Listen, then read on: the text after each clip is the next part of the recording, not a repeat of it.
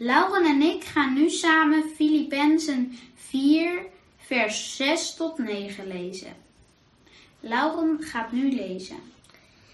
Wees in geen ding bezorgd. Maar laat uw verlangens in alles doorbidden en smeken dank, met dankzeggingen bekend worden bij God. En de vrede van God, die al begrip te boven gaat, zal uw harten en uw gedachten bewaken in Jezus Christus. Verder, broeders, al wat waar is, al wat eerbaar is, al wat rechtvaardig is, al wat rein is, al wat liefelijk is, al wat welluidend is, als er e- enige deugd is, zal er iets prijswaardigs is.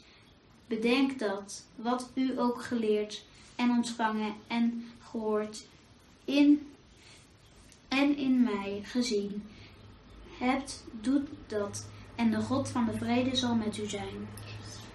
Romeinen 8, vers 18 tot 23. Want ik ben ervan overtuigd dat het lijden van de tegenwoordige tijd niet opweegt tegen de heerlijkheid die aan ons geopenbaard zal worden. Met rijkhalzend verlangen immers verwacht de schepping het openbaar worden van de kinderen van God. Want de schepping is een zinloosheid onderworpen, niet vrijwillig, maar door hem die haar daaraan in onderworpen heeft.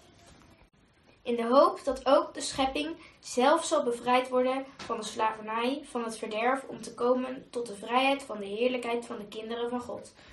Want wij weten dat heel de schepping gezamenlijk zucht en gezamenlijk in barensnood verkeert tot nu toe.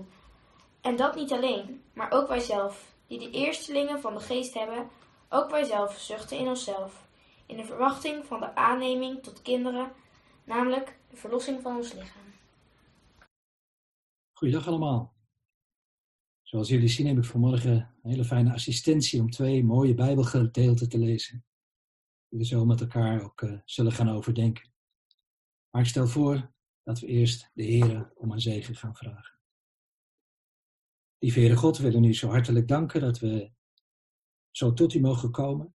Heer, op een andere wijze dan we gewend zijn. Maar dat we mogen weten, Heer, dat u bij ons bent.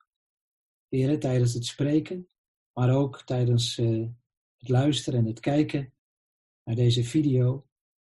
Heer, als we met elkaar u, uw woord gaan openen, dat u het bent, Heer, die ons dan ook de weg in dat woord wil wijzen. Heer, wilt u ons uh, dat woord zo doen verstaan, zoals, zoals u wilt dat we dat begrijpen. En wilt u door dat woord heen, alstublieft maar tot uw goddelijk en heerlijk doel komen. U weet, heren, wat er in ons omgaat. Wat er misschien aan moeite en verdriet is. Of misschien ook aan hele fijne en blijde dingen. U weet het alles en we danken u dat we u mogen vragen, heren, of u zo tot ons aller harten wilt spreken. Dat we u mogen ontmoeten vanuit uw woord. En dat we ook iets uh, beter ook mogen begrijpen, heren, van de dingen die u ons ook leert met betrekking tot uh, de moeilijke tijd waarin wij leven. Heren, wilt u zo het alles wel maken en ons zegenen en boven alles uzelf verheerlijken. Dat vragen en bidden wij u in de naam van uw Zoon, de Heer Jezus Christus. Amen. Ik wil eigenlijk eh, beginnen met een hele mooie Hebreeuwse groet.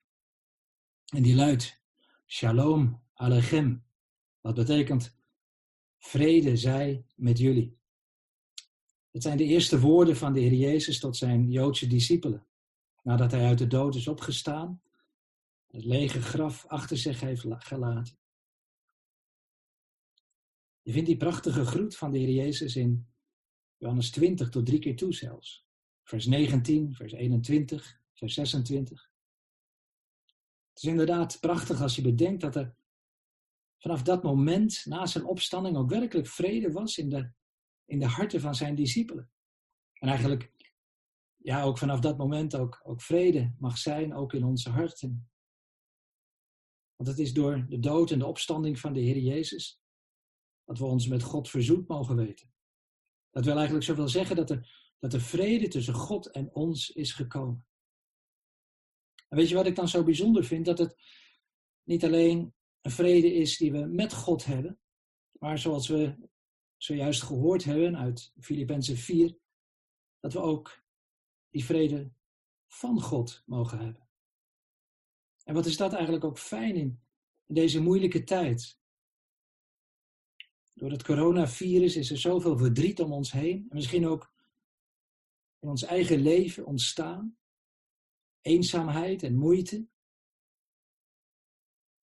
Mensen die we gewend zijn om te ontmoeten en nu al langere tijd niet meer kunnen zien, niet meer kunnen omhelzen. En wat is het dan geweldig, ook als er momenten zijn dat je je bezorgd voelt. Dat we dan mogen denken aan die woorden die we zojuist hebben gelezen. Wees in geen ding bezorgd, maar laten uw wensen in alles door bidden en smeken met dankzegging bekend worden bij God. En dan komt het, hè? En de vrede van God, die alle verstand te boven gaat, zal uw harten en uw gedachten bewaken in Christus Jezus. Ja, misschien zeg je niet bezorgd zijn, dat is uh, makkelijker gezegd dan gedaan. Maar weet je, het geheim is dat je je zorgen aan God bekend maakt. Dat je het aan God vertelt. En dat je het ook aan God mag toevertrouwen. En dat je dan ook mag ervaren dat inderdaad God je hart wil vullen met zijn vrede. En het mooie is dan dat, dat je gedachten niet voortdurend blijven cirkelen rondom die negatieve dingen. Maar dat die gedachten dan eigenlijk als vanzelf gericht worden op de Heer Jezus Christus. En dat je dan ook gaat merken dat er nieuwe gedachten in je hoofd komen. Zoals Paulus dat ook schrijft. Reine gedachten, liefelijke gedachten. Gedachten die, die ook weer invloed hebben op, op je doen en laten. Want zo lezen we in vers 9 van Filippenzen 4. Wat u ook geleerd en ontvangen hebt en gehoord hebt. En zegt Paulus in mij gezien hebt. Het is ook zichtbaar geworden in zijn leven. Doe dat. En de God van de vrede zal met je zijn. Mooi hè? De God van de vrede. De vrede van God wordt ons gegeven door de God van de vrede. Vrede is eigenlijk een van de belangrijkste kenmerken van Gods wezen. En daarom is Hij ook degene die, die ook als geen ander die vrede in ons hart kan geven. En natuurlijk dat alles omdat de Heer Jezus Christus voor ons is gestorven. Maar Hij is ook opgestaan uit de dood. En Hij leeft.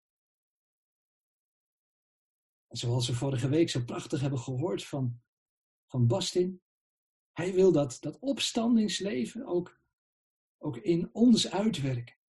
Dat opstandingsleven is ook ons deel geworden. En dat is heel bijzonder.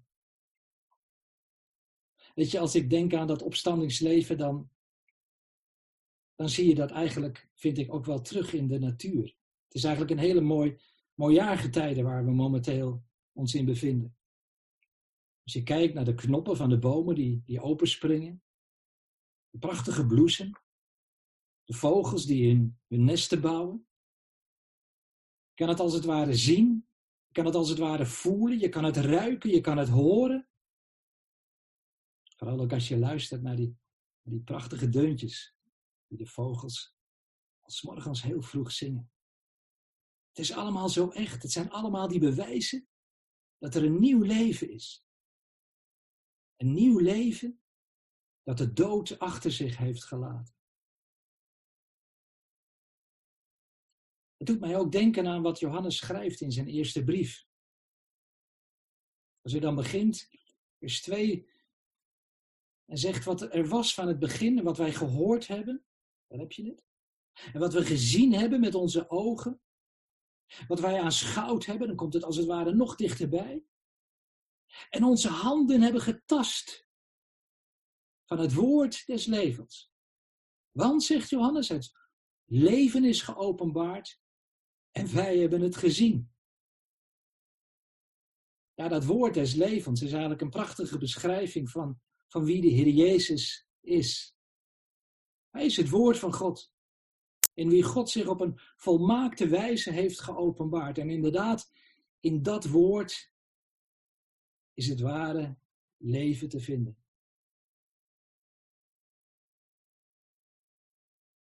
Nou, ik had uh, jongeren beloofd dat zij uh, hun vragen mochten insturen, die ik dan vanmorgen in mijn preek zou meenemen. Nou, je kunt het misschien al raden. Die vragen hebben eigenlijk allemaal te maken met de uitbraak van dat nare coronavirus. Ik noem een paar vragen. De eerste is, heeft corona ermee te maken dat Jezus bijna terugkomt? Andere vraag die ik ook wel bijzonder vond. Waarom is dit coronavirus eigenlijk op de wereld gekomen? Het is eigenlijk helemaal niet meer zo leuk. Misschien doet God het om op deze manier te laten weten dat het einde nabij is. Nou, ik denk dat dat hele goede vragen zijn. Vragen die ons eigenlijk automatisch ook brengen bij de dingen waarover de Heer Jezus met zijn discipelen gesproken heeft in die veertig dagen tussen zijn opstanding en zijn hemelvaart. We lezen daarover in Handelingen 1, vers 3, dat hij zichzelf, nadat hij geleden heeft, ook levend aan hen, dat zijn zijn discipelen, heeft vertoond met vele onmiskenbare bewijzen. Veertig dagen lang waarbij hij door hen gezien werd en over de dingen sprak, nu komt het, die het koninkrijk van God betreffen. Ja, dan vraag je al snel over welk koninkrijk gaat dat dan? Nou, eigenlijk vinden we het antwoord op die vraag in een andere vraag. Namelijk de vraag van de discipelen in datzelfde gedeelte, Handelingen 1, dan vers 6. Maar de discipelen vragen, Heere, zult u in deze tijd voor Israël het koninkrijk weer herstellen? In deze tijd. Gaat het nu gebeuren? Nee, dat was niet zomaar een vraag die uit de lucht kwam vallen. De Heer had daar namelijk al heel veel verteld over dat, dat koninkrijk dat op aarde zou komen. Vandaar ook hun vraag, heren, gaat dat in deze tijd gebeuren? Die oprichting van, van dat koninkrijk aan Israël. Ja, want zo hadden ook de profeten van het Oude Testament het immers voorzegd. Namelijk dat de Heer vanuit Jeruzalem in Israël, de hoofdstad van Israël, over de aarde zou gaan regeren. En dan zou het allemaal weer mooi worden op aarde. Als Hij regeert. Ik denk eigenlijk dat de Heer Jezus in die 40 dagen tussen zijn opstanding en zijn hemelvaart verder is gegaan met de onderwerpen waarover hij ook al voor zijn lijden en sterven met zijn discipelen gesproken heeft. Sterker nog, we vinden bijna dezelfde vraag van de discipelen terug in Matthäus 24, vers 3. Waar de discipelen vragen, zeg ons wanneer zullen deze dingen gebeuren en wat is het teken van uw komst? En dat brengt ons eigenlijk bij die eerste vraag die gesteld werd door de kinderen heeft corona ermee te maken dat Jezus bijna terugkomt? Is het een van de tekenen van, van zijn komst? Want ja, inderdaad, als je zo de tekenen leest, die de Heer Jezus allemaal opzomt in Matthäus 24, die tekenen die voorafgaan aan zijn wederkomst, dan lees je ook in vers 7 van Matthäus 24 over besmettelijke ziekten. En er zijn inderdaad sommigen die denken dat, dat we eigenlijk nu al in die tijd leven. Dat we nu eigenlijk al in die eindtijd leven. Matthäus 24 wordt ook inderdaad ook wel de eindtijdreden van de Heer Jezus genoemd. Toch denk ik dat je met die conclusie wel voorzichtig moet zijn. Die besmettelijke ziekte die de Heer daar noemt, is in feite maar één onderdeel uit een veel langere reeks van tekenen die eigenlijk allemaal met elkaar verband houden. Voordat de Heer Jezus al die dingen opnoemt, begint hij in vers 4 met een hele belangrijke waarschuwing. Hij zegt daar, pas op dat niemand u misleidt. Want velen zullen komen onder mijn naam en zeggen, ik ben de Christus. En zij zullen velen misleiden. Nou, het is duidelijk dat er vandaag nog niet heel veel mensen zijn die durven te zeggen dat zij de Christus zijn. Maar het zal straks in die tijd wel gaan gebeuren. Ook als je die andere kenmerken van de eindtijd leest, in Matthäus 24 of in Lucas 21, dan moet je concluderen dat dat vandaag allemaal nog niet in vervulling is gegaan. En dat dat dus wacht op een, op een tijd die nog gaat komen. Dat neemt natuurlijk niet weg dat ook in onze tijd het wel belangrijk is dat we die woorden van de Heer Jezus ons ter harte nemen. Dat we ons niet laten misleiden door dingen die mensen zeggen en die niet in overeenstemming zijn met wat de Bijbel zegt. Daarom is het eigenlijk zo belangrijk om de Heer Jezus persoonlijk te kennen. Dat we zijn stem kennen. Is het je wel eens opgevallen dat de stem van ieder mens uniek is? Als je in de klas zit met, nou zeg zo'n zo'n 30 kinderen, en je doet je ogen dicht, dan hoor je aan de stem wie wie is. Prachtig eigenlijk hoe de Heer Jezus, hoe de Heere God ons allemaal uniek heeft gemaakt. Maar de Heer Jezus heeft ook een, ook een, unieke, een unieke stem. Als je leest in de Bijbel wat hij zegt, dan weet je eigenlijk meteen dat alleen hij dat gezegd kan hebben. Ik vind zelf altijd een heel mooi voorbeeld in Johannes 10, waar de Heer Jezus zich onder andere de goede herder noemt. En dan zegt hij in vers 27, mijn schapen horen mijn stem en ik ken ze, en zij volgen mij. En ik geef hun eeuwig leven. En ze zullen beslist niet verloren gaan in eeuwigheid, en niemand zal ze uit mijn hand rukken. Mooi hè? Zijn schapen. En als je de Heer Jezus kent, mag je ja, je eigenlijk ook tot die, tot die schapen rekenen, hoewel het hier wel specifiek natuurlijk gaat om, om het Joodse volk, maar ook wij mogen die dingen ook onszelf toepassen. Dan mag je weten dat je inderdaad, als je de Heer Jezus kent, dat je dan ook zijn stem herkent. En dat je dan ook mag weten dat, dat Hij het is die, die je eeuwig leven gegeven heeft. En dan mag je ook weten dat je beslist niet verloren gaat. En dat er niemand is die uit zijn hand kan rukken. Je moet dus oppassen om niet misleid te worden. Maar aan de andere kant, je hoeft er ook weer niet bang dus voor te zijn. Want niemand zal je uit zijn hand kunnen rukken. De andere kant is natuurlijk ook waar. We weten niet hoe de gevolgen van de coronacrisis zich verder zullen ontwikkelen. En ik denk dat het ook wel goed is om daar af en toe ook eens met elkaar over te praten. Ook zeker ook met je ouders over te praten. En het dan ook steeds ook samen bij de Heren te brengen. En te bedenken daarbij dat, dat je bij Hem veilig bent. Dat niemand je uit Zijn hand kan rukken. En dat brengt ons eigenlijk ook bij die andere vraag. Waarom is dit coronavirus eigenlijk op de wereld gekomen? Het is toch helemaal niet zo leuk meer? Dan zegt diegene, misschien laat God op die manier weten dat het bijna het einde is. Nou, wat betreft dat einde denk ik dat veel mensen nu ook wel tot het inzicht zijn gekomen dat er een einde is gekomen aan alles wat de mens denkt te kunnen.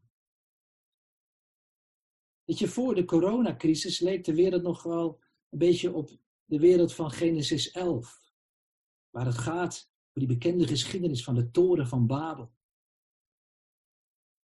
Je kunt het nalezen in Genesis 11, vers 6, dat, dat daar wordt gezegd Kom, laten wij ons een stad bouwen en een toren waarvan de top in de hemel reikt.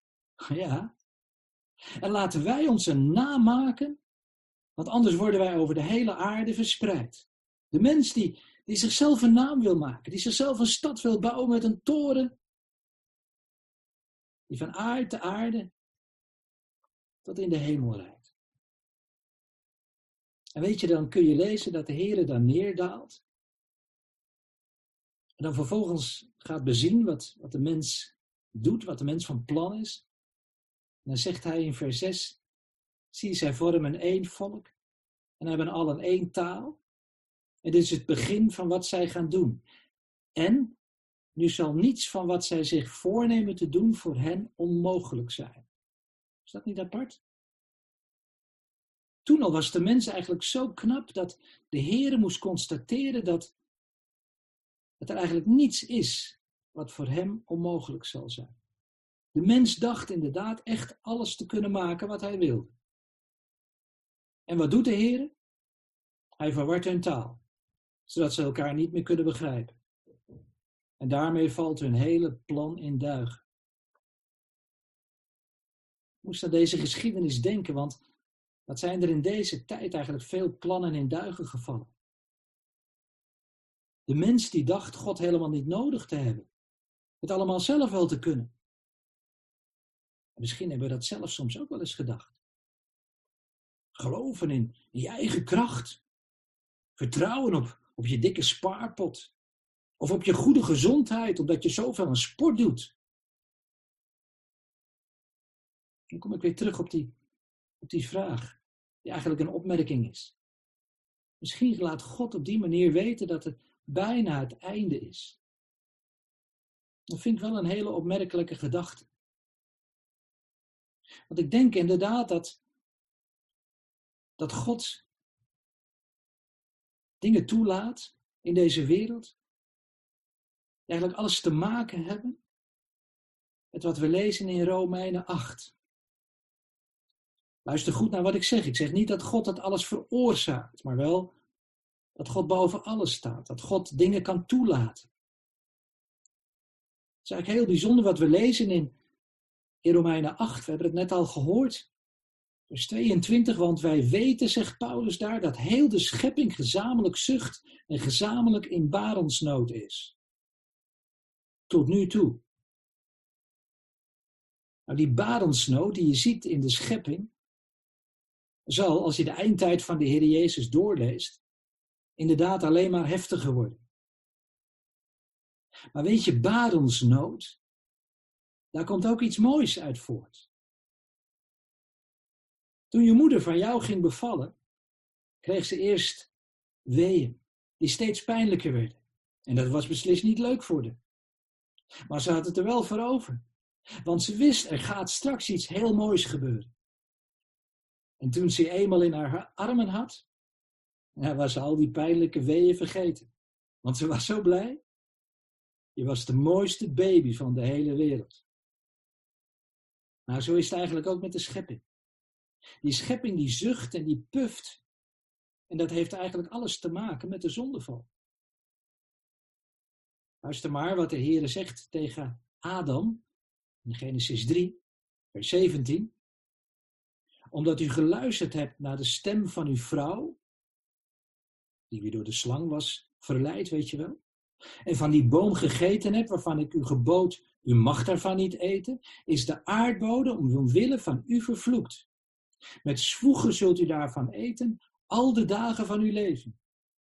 Dorens en distels zal hij voor u laten opkomen. En u zult het gewas van het veld eten dorens en distels. Een aarde die, die vervloekt is. Zijn geen fijne dingen. Maar weet je, het zal niet altijd zo blijven. In vers 19 van Romeinen 8 lezen we, met rijkhalsend verlangen immers verwacht de schepping op het openbaar worden van de kinderen van God. Bedoelt de Bijbel daarmee het openbaar worden van de kinderen van God? Nou, dat lees je in vers 23, waar staat dat niet alleen de schepping zucht, maar ook wij zelf, die de eerstelingen van de geest hebben, ook wij zelf zuchten in onszelf in de verwachting van de aanneming tot kinderen. Namelijk, dan komt de verklaring, de verlossing van ons lichaam. Nou, dat is nou precies onze hoop. Straks zal ons lichaam verlost worden. En als dat gebeurt, zal ook de hele schepping verlost worden van al die verdrietige dingen. En die hele schepping zal dat ook zien. Johannes schrijft het in zijn eerste brief, het derde hoofdstuk, vers 2. Geliefden, nu zijn wij kinderen van God en het is nog niet geopenbaard wat wij zullen zijn. Maar wij weten dat als Hij geopenbaard zal worden, wij Hem gelijk zullen zijn. Want wij zullen Hem zien zoals Hij is.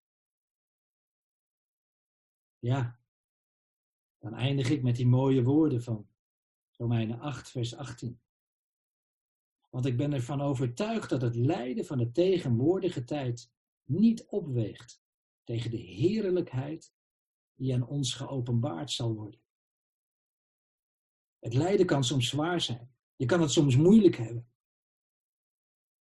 Maar weet je, als je denkt aan wat nog komen gaat, aan die heerlijkheid die straks geopenbaard zal worden, waar we ook zelf deel aan zullen hebben, ja, dan is het zoals Paulus zegt dat het lijden van deze tijd, ook in deze coronatijd, niet opweegt tegen die geweldige heerlijkheid die God straks op aarde zal brengen en waar ook wij ook deel aan zullen mogen hebben.